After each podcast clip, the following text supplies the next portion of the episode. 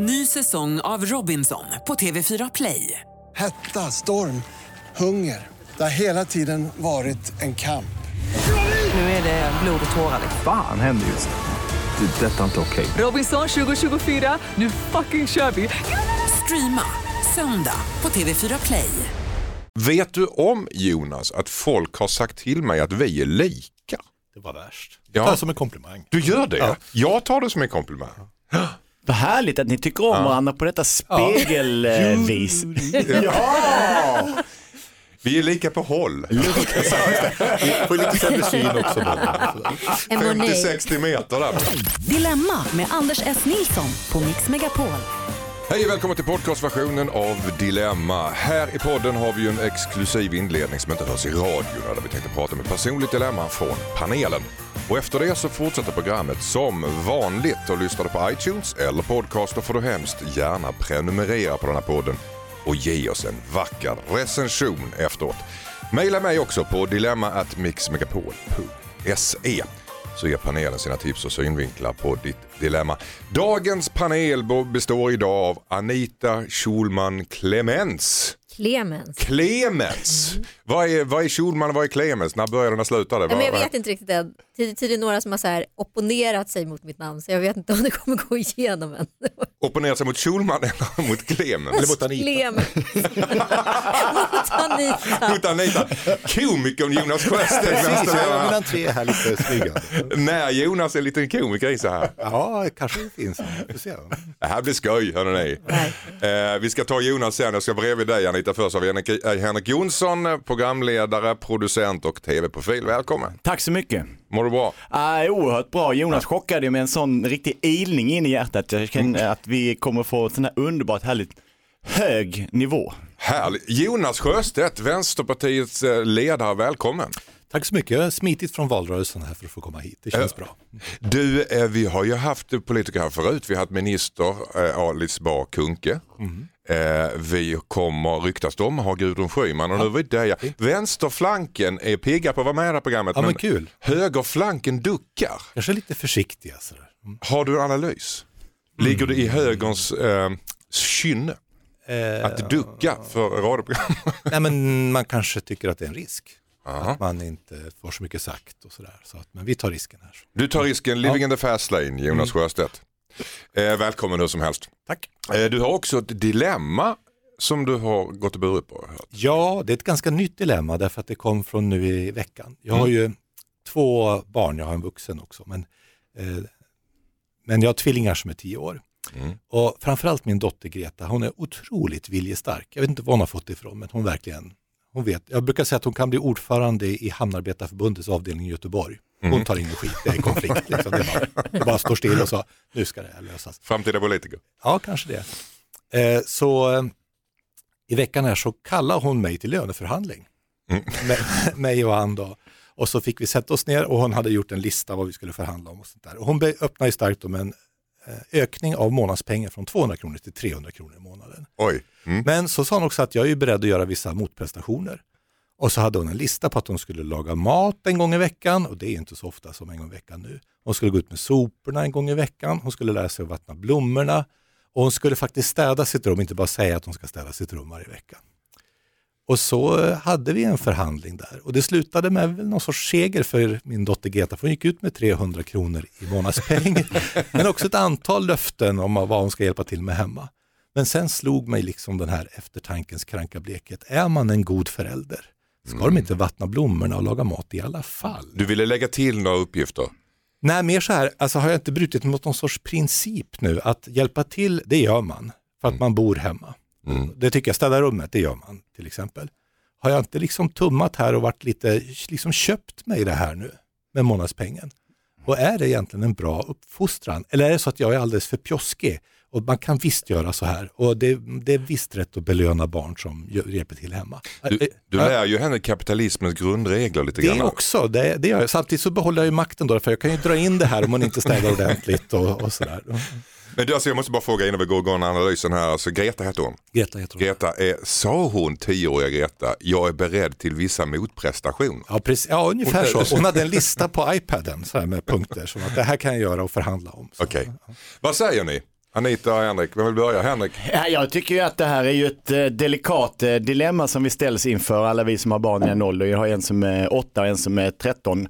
Och där vet jag att svärföräldrarna betalar dem bland annat när de gör mål i sina olika idrotter, vilket jag tycker är fullständigt förkastligt. Och de betalar dem även ibland för enklare eh, hushållstjänster. Varför är det förkastligt? För att man inte ska spela för resultat när man är så gammal. Man ska räkna för att kampen ska man få lov att njuta av. Man ska få bli ledsen när man förlorar och glad när man vinner. Däremot så ska man premieras när man gör rätt hela vägen fram mot mål. För annars bör de skjuta istället för att passa. Mm, Okej. Och i Jonas fall här, vad tycker du då? Jag tycker att eh, jag gillar ju det, det, det, det kapitalistiska anslaget i bemärkelsen att det är ett väldigt modernt anslag att ge pengar för tjänster som utförs. Men med det sagt inte att det är bra. Jag skulle däremot kanske testa idén om du vill dämpa ditt samvete att ni har en gemensam pott i familjen där ni lägger pengar. För jag utgår från att du eller din fru är den som har högst intäkter. Och där får man procentuellt efter sin lön lägga in en liten peng i potten och så får du erbjuda tvillingarna, jag utgår förresten från att hon förhandlade för bägge två, hon, hon var väl där och Kollektivets talesperson. brorsan fick ett hängavtal kan man säga. Det. Det, det är hon som förhandlar avtalsrätten. Och Det så, är, det är inte så att hon har 300 och han har 100 kronor. Nej, men han är så här slacker typ och så sparar han pengar så att han är liksom, han behöver inte krusa oss, han behöver inte städa om han inte vill. Nej, men jag tror att ett sätt att dämpa detta för att visa att så här fungerar det i det moderna samhället och så här önskar vi att det skulle fungera så har vi familjekassan Sjöstedt där vi lägger 1% av våra intäkter varje månad och alla har 25% Eh, Jonas är vänsterledare, 1% i skatt, det är ingenting. Nej men detta är bara till familjen. Detta är bara till familjen. Det kommer ju eskalera enormt om alla ska lägga 10, 30 kronor på Exponentiell skatt. Ja. Ja, just det. Men då så får man känna, då får man komma in i vad det handlar om att dela lika och bestämma lika efter olika förutsättningar men ändå på samma sätt. Lära för livet är du inne på lite grann. Att Du är inne på att det är positivt med Jag en är inne- gemensam pott. Jag är inne på att det är positivt. Jag tror att, det, att anledningen till att det skaver nu är att ni inte har gått hela vägen. Okej. Så att detta är bara det här jobbiga skiftet. Är Anita Schulman eller Clemens av, eh, vad ska jag säga? Säg Clemens Anita av Anita. Schulman Clemens, ska jag säga det? Det är ett jättekonstigt namn. Eh, men vad säger börja Anita? med Anita Clemens. Ja. Anita. Eh, jo men jag, jag tycker det är liksom problematiken med veckopengen det är ju att det är en fin gräns mellan barnarbete och fostra en god medborgare. Eh, och det här är ju liksom mitt problem också, jag är en sjuåring eh, och vi sitter ju lite i samma situation där. Eh, men jag vill, ju, jag vill ju inte se löften, för hittills har min sjuåring tullat ganska hårt på de här löftena. Eh, de infrias oftast inte, så jag skulle lägga in ett vite i det här avtalet om jag Aha, de blir skyldiga Ja, pengar till föräldrarna istället. Ja, det har jag inte tänkt på. Om de Spännande. inte städar rummet, om de inte diskar, går ut med soporna. Exakt, då blir det ju liksom, måste man ju få tillbaka. De måste ju veta, om man nu ska fostra en medborgare, vilket man nu gör när man fostrar barn, då, då måste man ju veta att det kostar också. Man kan inte bara ta del av det härliga. Så man kan ligga på 90 kronor då fast Jaha. 400 är taket. Exakt. Men då kan hon ju börja säga, idag vill inte jag. Ja, men jag på detta. Jonas. Ja, har hon, har hon då till slut förhandlat sig fram till 300 kronor så kan du ju liksom, ja, men nu har jag så jag klarar mig så jag skiter i att gå ut i soporna Mm. den här veckan. Alltså. Exakt, så då menar jag att det ska finnas med Tror, du app, app, pappa, app. tror du pappa Jonas skulle tycka det var okej? Alltså det min grabb gör, han, han säger jag kan göra det där men jag säker jag gör något för jag behöver inte pengarna. Det, det är ju ekonomisk frihet. Ja det är det faktiskt. Det är det. Det är ju också ett lära för livet. Jo, Jo, men där, och där finns någonting bra tycker jag, så att om man gör lite grejer så lönar det sig. Lite som så här. så att jag, jag, jag har inte kommit fram till än, men och sen finns det här också att alla föräldrar har såna här höga fina principer för barnuppfostran, det tycker jag man ska ha. Alltså, men det finns ju lite av hot och muter hos alla föräldrar också. Där Alla har stått inför det där, okej du får den där glassen om. Mm. Sådär, va? Så att, ja, mm. Jag hinner inte med mina principer just nu. Morot och piska helt enkelt. Mm. Ja. Känner du att du har fått lugna ditt samvete? Eller, eller vem, Ja, Jag känner att jag har fått en, lite, lite av en välsignelse för att fortsätta med det här faktiskt. Och du kände någonstans 60% i det att du gjorde rätt?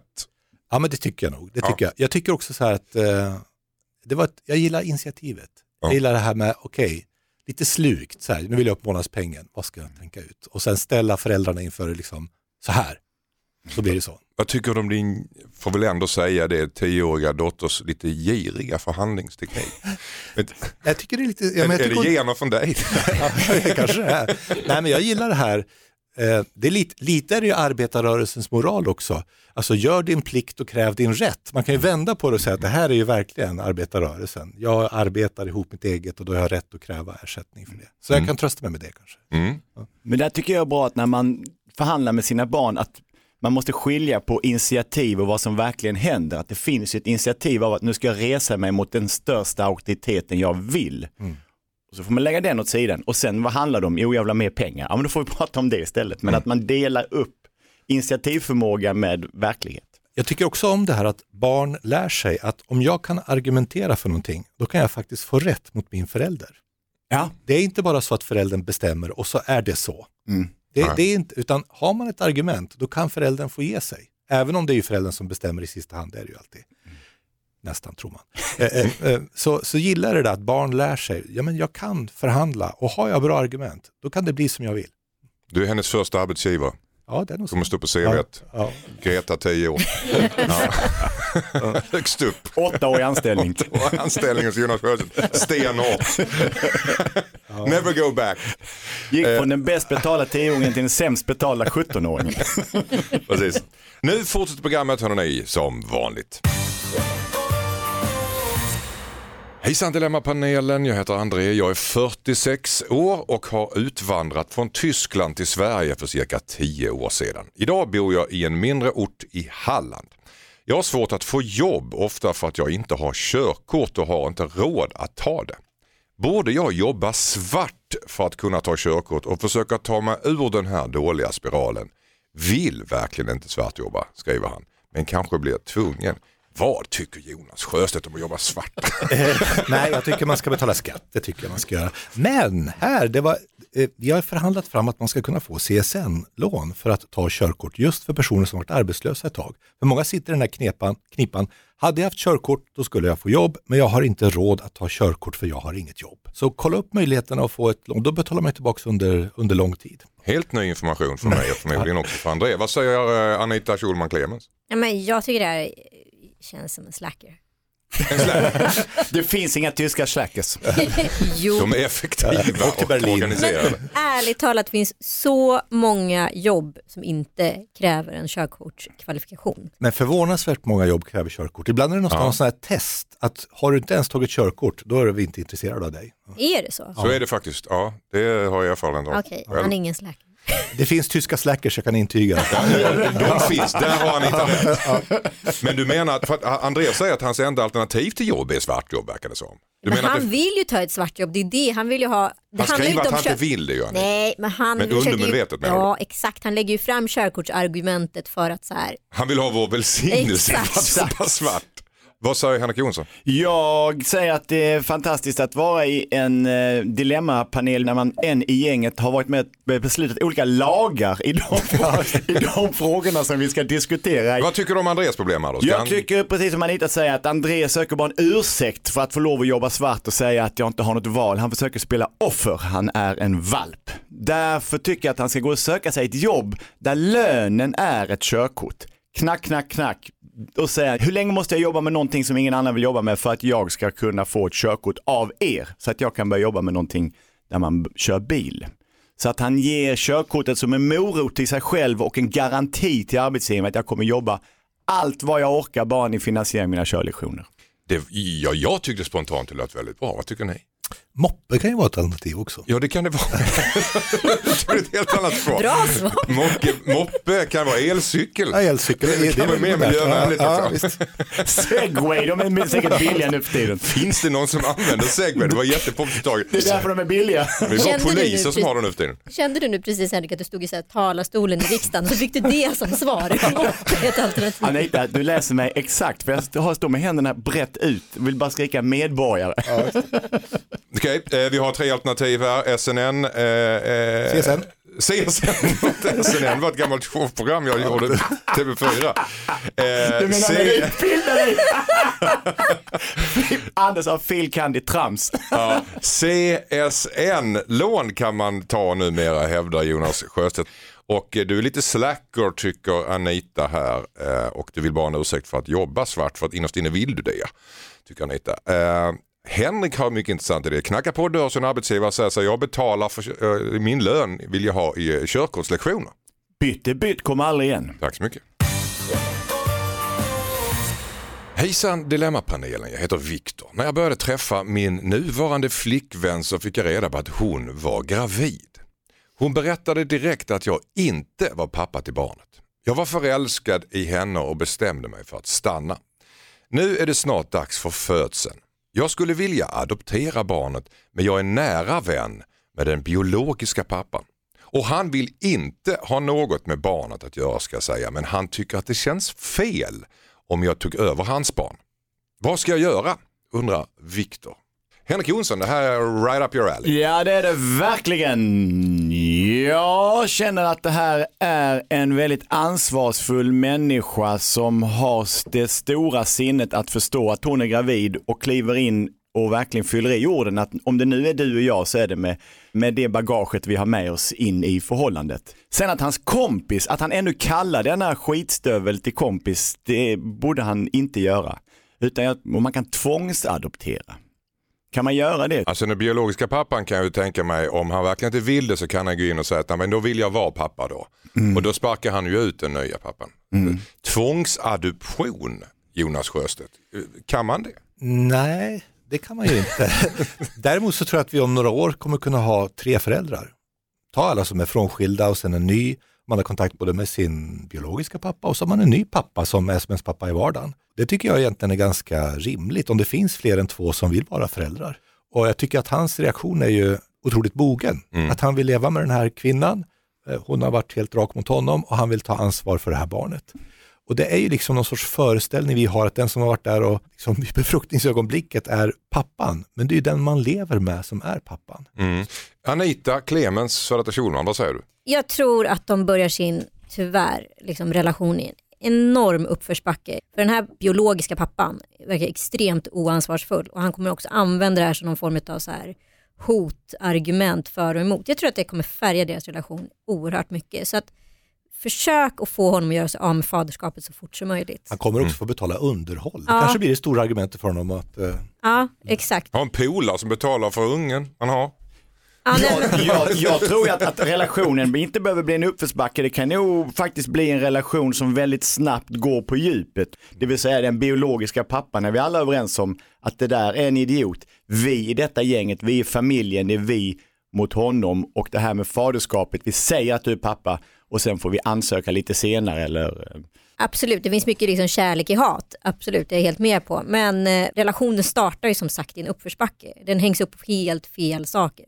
De måste försöka argumentera med den här personen och få honom att bli- säga upp fa- faderskapet. Om vi går in till det här på ett emotionellt plan och tänker själva i den här situationen. Att eh, ni får reda på att eh, den ni är, är, med, är gravid med en annan, är in, i- en bit in i er relation och att det är kompis som är pappan.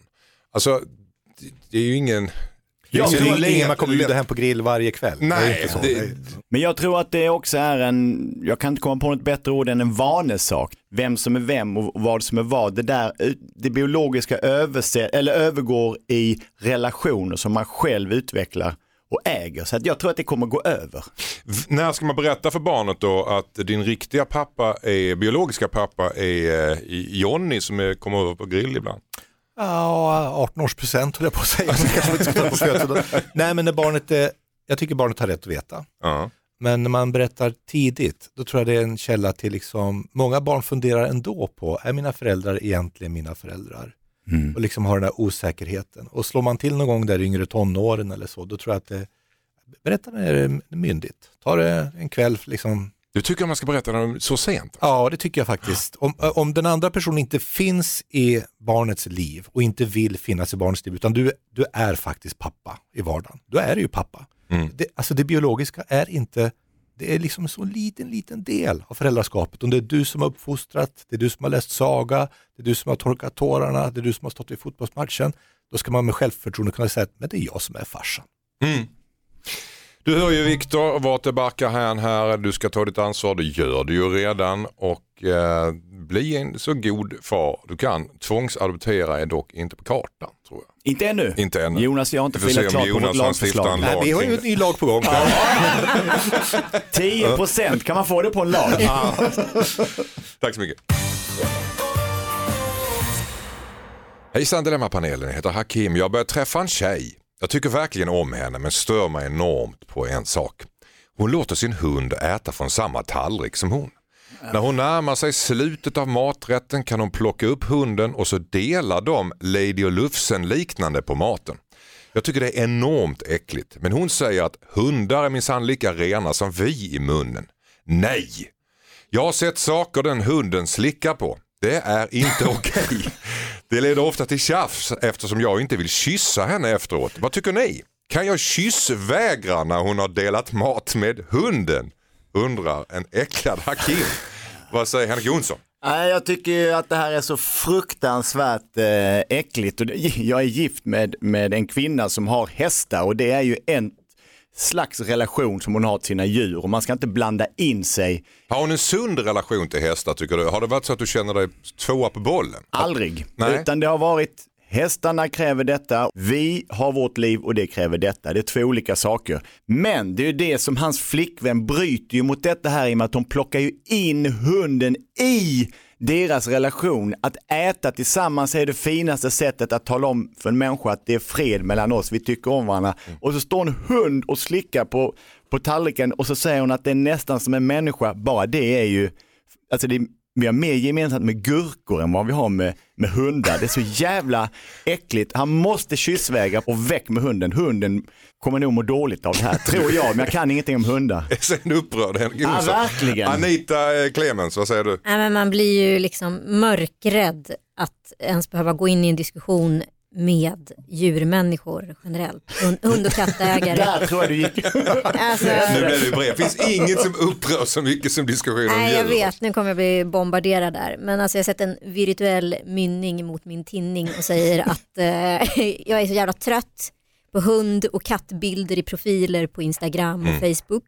Jag är så trött på människor som argumenterar varför djuren är bättre än människor och att så här, jag var på en arbetsplats en gång i tiden då det var någon som var irriterad på att många hade med sina småbarn på så kallade vabbdagar för varför man inte fick ta med hunden istället. jag tycker det för mig är det superlogiskt men det kanske inte är. Men jag tycker att man måste kanske gå till en terapeut och kolla upp sitt känsloliv lite ifall man prioriterar en hund lika högt som en människa. Eh, Hakim har alla rätt i det här fallet. Så, är, är, har du någonting emot hundägare? Jag tycker att hundägare, inte alla, men väldigt många har en osund relation till sina hundar. Alltså en hund är ju en direkt spegling av en själv så att de speglar sina egna känslor i hunden så de pratar egentligen med sig själva. Det är ju, det är ju, det är en sjukdom. Jag brukar säga att skaffa hund är ett rop på hjälp men du tycker att det är en sjukdom. Det går ett steg till. Jonas Sjöstedt, jag, jag är 100% på Hakims sida. Alltså, eh, jag skulle, det skulle, jag skulle få hurven som man säger i Norrland. Så att, eh, usch. och sen tänka att nu är han ju kär och sen går det in i lite lugnare eller djupare relation. Men fortfarande ska det sitta en hund och äta det från tallriken om 20 år, om 30 år och 40 år kanske. Nej, du måste ta ett snack om det här. Och säga att det, det är nog så att antingen, det här går inte. Du, du, du får nog välja hur du vill leva.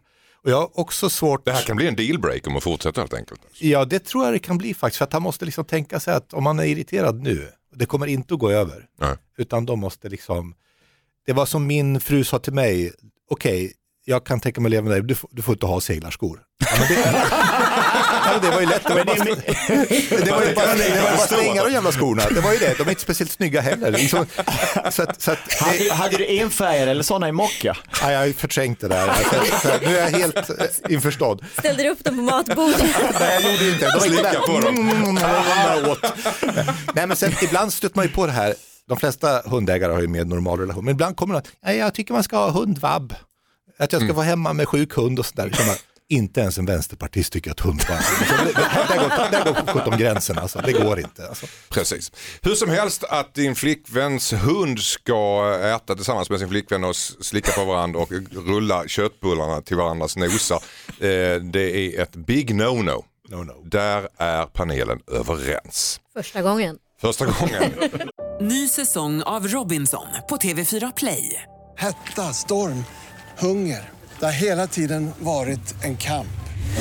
Nu är det blod och tårar. Fan händer just det. Det. är Detta är inte okej. Robinson 2024, nu fucking kör vi! Streama söndag på TV4 Play. Ett poddtips från Podplay. I podden Något Kaiko garanterar östgötarna Brutti och jag, Davva, dig en stor dos skratt. Där följer jag pladask för köttätandet igen. Man är lite som en jävla vampyr. Man har fått lite blodsmak och då måste man ha mer. Udda spaningar, fängslande anekdoter och en och annan arg rant. Jag måste ha mitt kaffe på morgonen för annars är jag ingen trevlig människa. Då är du ingen trevlig människa, punkt. Något Kaiko, hör du på Podplay. Därför är gardinerna. Hejsan Dilemmapanelen, heter Mattias. Jag och min fru har varit gifta i fem år. Vi har liknande lön och bestämde oss för några år sedan att börja med delad ekonomi. Nu vill jag gå tillbaka till separat ekonomi igen. Hon spenderar mycket pengar på saker som dyrt smink, köper ofta kaffe ute och så vidare. Jag är snålare av mig. Det är jag som är extrem, inte hon. Men jag mår bra av att spara pengar. Problemet är att jag inte vill ta ett steg tillbaka. Jag vill skaffa barn och hus i framtiden. Hur kan jag säga att jag vill dela vår ekonomi igen utan att förstöra förhållandet? Undrar Matteus. Det känns som att Jonas är på G här. Ja, men det här, jag, känner, jag känner igen mig lite grann. Alltså, jag och min fru är nog lite lika. Att jag, jag är säga snål, men ekonomisk ska jag säga. Vad är, skillnaden för snål ekonomisk? Undrat. Omskrivningar. Ja, eh, och min fru är lite mer så att hon slår till för att spara lite pengar om hon hittar någonting som inte är jättedyrt. Så, där. Då, då, eh, så att eh, jag tänker så här om mig själv, att hon har förändrat mig till det bättre. Att faktiskt tycka att ja, men det var ju snygga skor, jag kan få köpa ett par snygga skor. Det är okej, jag behöver inte bara ett par skor, jag kan ha två par skor. Liksom. Och det, är bra. Och det finaste var, när jag fyllde 50 så blev jag så här ekonomiskt, så här, ja, jag ordnar ingen fest och en fest och så här. Och sa, du ska bjuda alla dina vänner, du ska åka till det bästa stället du vet. Och jag bjöd in 70 pers till Berlin, vi festade i tre dagar och jag var superglad, jag kommer komma ihåg det hela mitt liv. Så att Hon blåser lite liv i dig Ja, ja precis. Tack för det. Se det som någonting att det kan, det kan också lätta dig till någonting. Och du kan också hjälpa henne med någonting. Ni kan sätta er tillsammans, men gör en budget ihop. Vi har ungefär det här och det här. Och så följer ni upp det ibland. Aldrig när ni är arga. Prata aldrig ekonomi när ni har druckit alkohol, aldrig när ni är arga, utan gör det när ni är goa och glada. Och sen Det är svårt med alkohol, det är rätt dyrt. Ja, det det, precis. Hemkört. så att, eh, nej, men, ja, men så, så jag gör ni känner- det där. Och så, så liksom, du plockar lite glädje från henne där och hon plockar lite sådär, oj nu tog pengarna slut och det är bara den trettonde. Vad säger Anita? Anita, Jag sitter ju lite i samma situation med min kille. vem är vem? Ja, gissa. Ja, men alltså, vem är snål? Ja, vem är... gissa. är det du? Nej, Du ser lite snål ut. Nej, det gör du inte Anita. Nej, förlåt. jag orkar inte. Det är han som är snål. Nej, han är, han är inte snål. Jag, Han är jag- ekonomisk. Han är ekonomisk, men jag tänker så här att de ska ha alla liksom hushållskostnader Mm. ska vara gemensamma. Och sen vill hon köpa en glassig kaffe, då får det vara på hennes eget konto då. Vad säger Henrik Jonsson? Den som börjar slösa är ju den som tar makten. Och jag tror att den här maktbalansen man måste komma underfund med. Och från början tänkte jag att någon skulle säga att separera ekonomin, gå vidare som två människor. Men så har jag faktiskt ändrat mig. Jag tyckte Jonas förslag var mer att vidga sig själva som människor. Har man som man klarar sig så är det värsta man kan göra att börja bråka om dem. Av någon märklig anledning så är det ju ofta människor med pengar som bråkar om pengar väldigt mycket. Ofta är det ju de som slösar som är härliga, livsbejakare och sybariter och tycker det är skönt att leva och släppt sargen. Medan en ekonomisk pers- snål person får ofta lite skit. Är det inte dags att skriva om kartan lite? Rita om kartan lite? Relaterar du nu till dina flygpoäng som du samlar? Jag, samma, jag tar hellre, jag tar min lön i Eurobonuspoäng. Jag får ni gratis kaffe på olika Semester kedjor. på loungen, fem veckor. Jag kommer in i loungen så räcker det för mig, det står i mitt kontrakt. Det är där du har dina födelsedagsdagar. Ja, det är så kul folk i lunchen också. Det är ju de man vill vara hänga med. Ja, exakt. Det är ju skittråkigt egentligen att sitta i loungen. Bara det är gratis. Det är gratis, Det är ja. gratis. Men Smygdrickare det är och mycket roligare att sitta liksom bland vanligt folk. jag har svart kort på SJ. Mm. Innebär att du inte får åka eller? För att jag är en Det brutal tågåkare. Mer än tusen förseningstimmar per år. Ja, det, du får poäng varje Nej, Jag får timme. bjuda fika på alla möten jag kommer för sent till. Det finns, det- en del är ju rädda för ekonomi. En del människor som de sköter sitt jobb, de kan vara helt briljanta, men de klarar för 17 inte av att sköta sin egen privatekonomi. De tjänar bra med pengar men hamnar ändå hos Kronofogden. Det är någonting som liksom kortsluter det här. Va? Nu ska jag berätta om min fru igen. Nej, men när vi blev ihop där så att vi har bestämt oss för att leva upp. Det är en sak du ska veta, så, så öppnar hon ett skåp, där är oöppnade fönsterkuvert. Oh, Och jag blev så här, åh, nej, nej, nej, nej, nej, det här går inte. Så jag satt ju en hel dag och ringde runt, ja vi betalar nästa vecka. Liksom, och fixade det. Men så är det absolut inte nu. Nej. Utan man kan ju faktiskt, man kan ta koll, man kan ta grepp. Och jag tycker att den här killen som har skrivit in, han ska hjälpa, om det, om det, jag vet inte om det är så, men han ska hjälpa sin fru att ta grepp över sin ekonomi. Okej. Men inte tappa livsglädjen. Men delad ekonomi är ni överens om att de ska fortsätta ha? Absolut, jag tycker vi ska skriva upp värdet av den sparande människan som du talar om Anders. För det är en människa som icke är den konsumerande människan. För att tjäna pengar, göra med pengar för att konsumera, det kommer att få den här planeten att säljas till någon annan. Tänker jag också, vad liksom är målet att vi ska ha ett saftigt ISK-konto som vi ska ge bort till våra barn som festar upp det på fyra veckor sedan efter vi har dött? Ibiza. Ja, Ibiza, liksom. Är, är det inte roligare själv att åka ut lite grann sådär? Till Ibiza. Ja, kanske. Ja, ja. Har fastnat här. Ja. Hejsan Dilemma-panelen, jag heter Patricia. Jag har alltid drömt om att skaffa katt. Nu ska vi äntligen flytta in i villa och äntligen ha möjlighet att skaffa min efterlängtade Kisse. Problemet är att min brorsdotter är allergisk. Min dotter umgås mycket med henne, sin kusin alltså, och min bror säger att han skulle bli väldigt ledsen om vi skaffar katt. Eftersom dottern inte kommer kunna leka och sova över hos oss längre. Jag vill ju självklart att kusinerna ska ha en bra relation men jag och hela familjen vill verkligen ha katt. Vad ska jag välja? Välja undrar Patricia. Anita, vad säger du om det? Skaffa en nakenkatt. Ja, Det är ju inte mer med det. nej. Då, de, där kan man omöjligt bli allergisk. Va? Exakt. Men är de ute och springer och man bara släpper ut dem precis som vanliga katter? Nej. Nej. Jag vet ingenting Kost- om det här. men Jag, jag splainar lite. Tjejsplain, ett nytt uttryck. Eh, vad säger Jonas Sjöstedt? En sköldpadda. Ja, det är, nu är vi inne på ett helt annat djur. Det, du, du, kan du, Nej, jag menar man ska döpa katten till sköldpadda. Just det, min sköldpadda kommer här. Akta dig för du kan bli allergisk. Ja, ja det kan, kan, kan ju vara någonting att skaffa en sköldpadda fast det är rätt tristiga, trista husdjur. Så har du Jag hade haft en kompisar sköld... som hade sköldpadda som rymde, det tycker jag är helt fantastiskt. De är ganska loja typer. Så. Ja, det är ganska loja typer. Mina kompisar.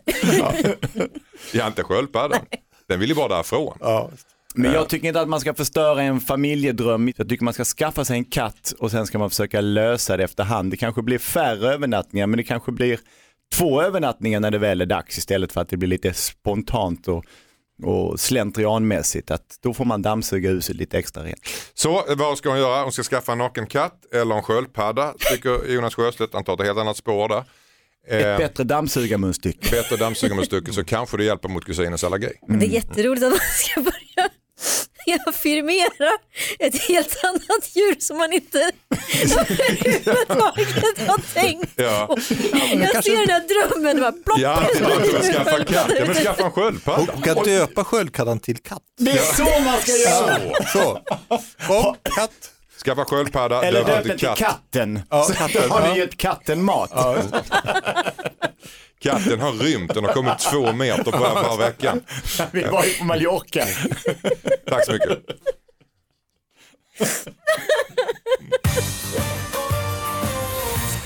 Hejsan Dilemma-panelen, jag heter Sara. Jag ska till Amsterdam på en möhippa i höst. Mina tjejkompisar har pratat om att testa att röka cannabis eftersom det är lagligt där.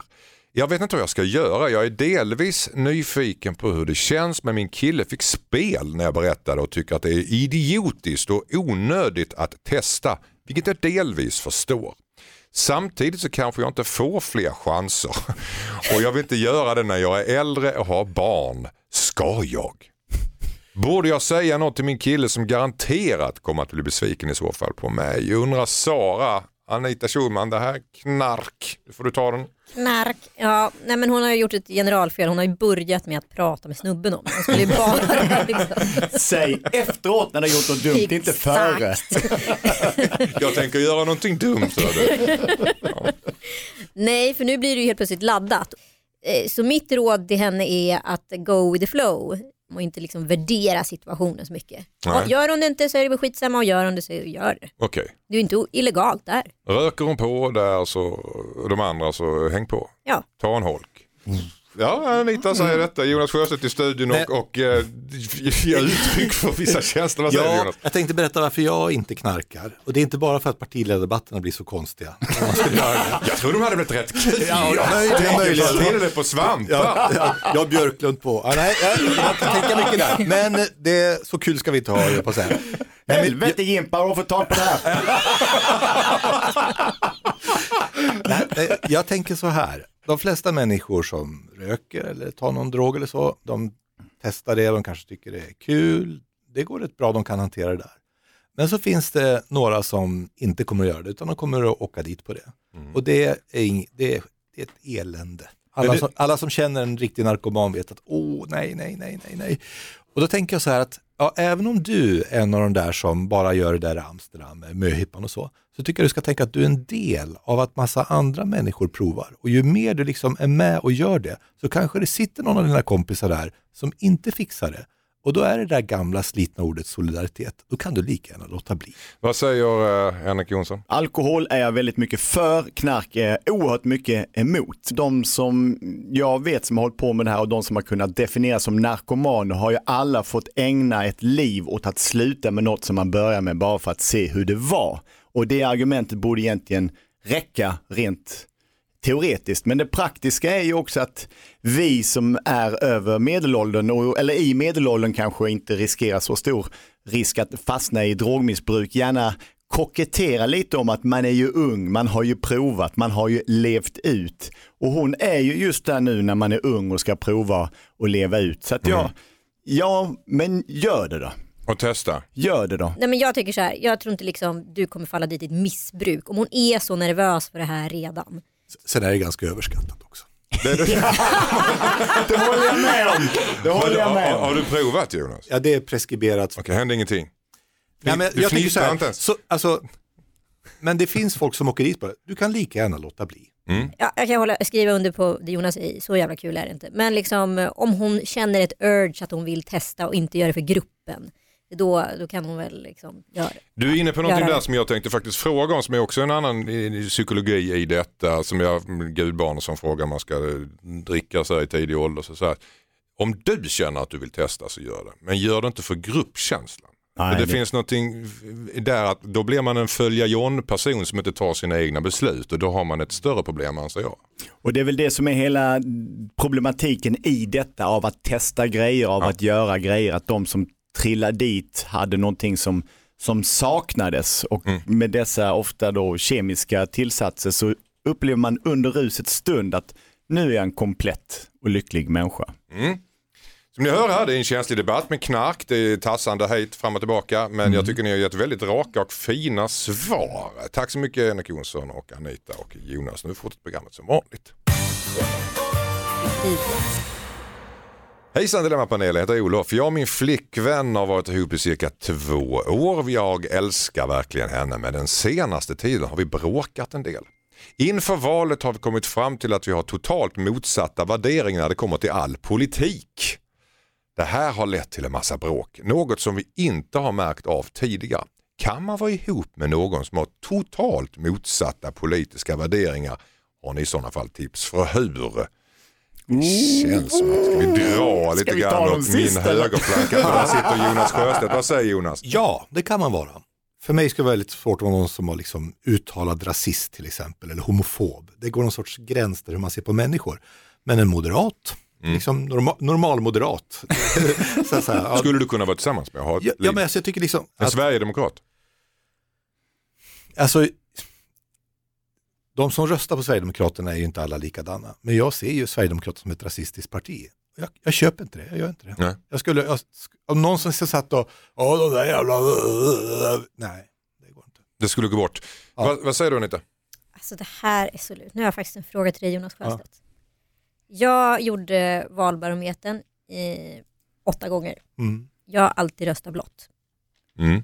Jag blev 65% Vänsterpartiet. Grattis. Vad är det som har hänt? Är det jag som har förändrats eller är det så att vänstern och, och högern har blivit lite mer lika? Ja, men det, det är både och ska jag säga. Eller jag, antagligen är det du som har förändrats därför att vänstern är fortfarande vänster och högern är höger. Men det finns en annan axel som är liksom tolerans kontra auktoritärt. Och där tycker jag att högern blir mer auktoritär. Och må- många borgerliga människor, man säger, liberala i vid mening, är inte auktoritära. De är ganska toleranta. Så i den delen av dem så är de vänstermänniskor. Och det, och det, där är clash, det är det som clashar i borgerligheten nu med att Centern och Moderaterna är mer och mer olika varandra. Det är liksom det där. Och då har du liksom ett sorts val. Vad är viktigast för dig? I det där? Sen är det intressant att det handlar om ord och retorik också för att när Moderaterna, de nya Moderaterna tog makten i Sverige så gjorde de det med en retorik som ni nu får slåss med.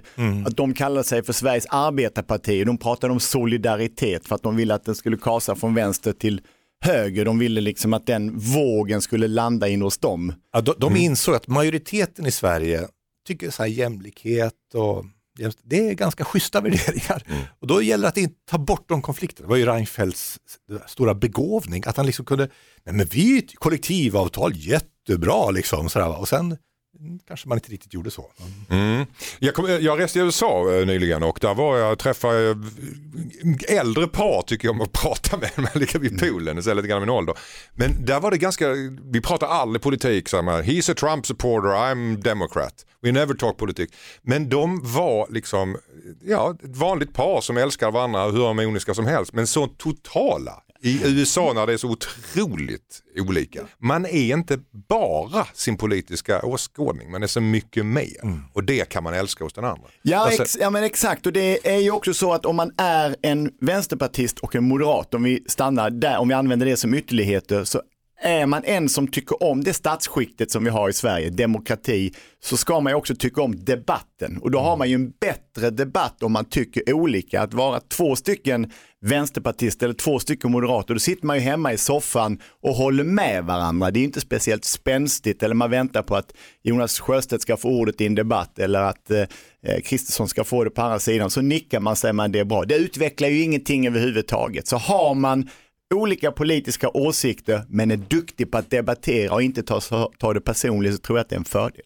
Sen, sen tänker jag så här också att det är otroligt bekvämt, till exempel jag är vänsterpartist, och tänka att vänsterpartister de är mera omtänksamma, solidariska och sådär. Moderaterna de tänker lite mer på sig själva, men det, det är ju inte sant. Det finns olika sorters vänsterpartister, det finns olika sorters moderater. Jag har träffat moderater som är otroligt omtänksamma människor som inte alls tänker så mycket på egen vinning. Och jag har träffat vänsterpartister som är skitstövlar. Om, man, om man skulle önska att det var så enkelt att liksom man följer någons partimal, det gör vi ju inte. Och det är ju det där som är den personliga relationen som liksom man lever i och det kanske är viktigare. Skulle det kunna vara någonting att man eh, förenar vårt land genom att man uppmuntrar folk att träffas med olika politiska åsikter? En sorts liksom- tvångsäktenskap slags mellan olika valbarometern. Och här är din nya fru, varsågod, varsågod. kom, det bara att koppla den till Tinder. Ja, Vi säljer den du idén får där. bara dejta vänsterpartister. Ja. Och här, grattis, Barbro från Smedjebacken, Sverigedemokrat. Nya fru. Oj, oj, oj, oj. Pling! Vad säger Anita? du? Nej, men jag tror som sagt att opposition är bra i alla relationer, bara det liksom inte blir eh, på en nivå där den är renodlad rasse eller liksom homofob och så vidare, precis som du säger, eller liksom eh, superför liksom krig och så vidare, där det blir liksom svårt att så här, bo under samma tak. Men opposition är ju alltid bra. Det blir ju för liksom slätstruket ifall man liksom tycker samma om allt. Så tycker jag med, det tycker jag med. Så det är ingen fara. Det tycker jag med. Tack. Hejsan Dilemmapanelen, jag heter Arvid. Jag är 25 år. Min mamma har en funktionsnedsättning på grund av en sjukdom som bara blir värre och hon kan inte gå längre. Nu har jag upptäckt att min pappa är otrogen mot mamma. Jag tycker så synd om mamma, mamma men samtidigt så behöver hon min pappas hjälp på grund av sin begränsning. Hon skulle inte må bra av att vara själv. Men jag tycker att pappas beteende är oacceptabelt.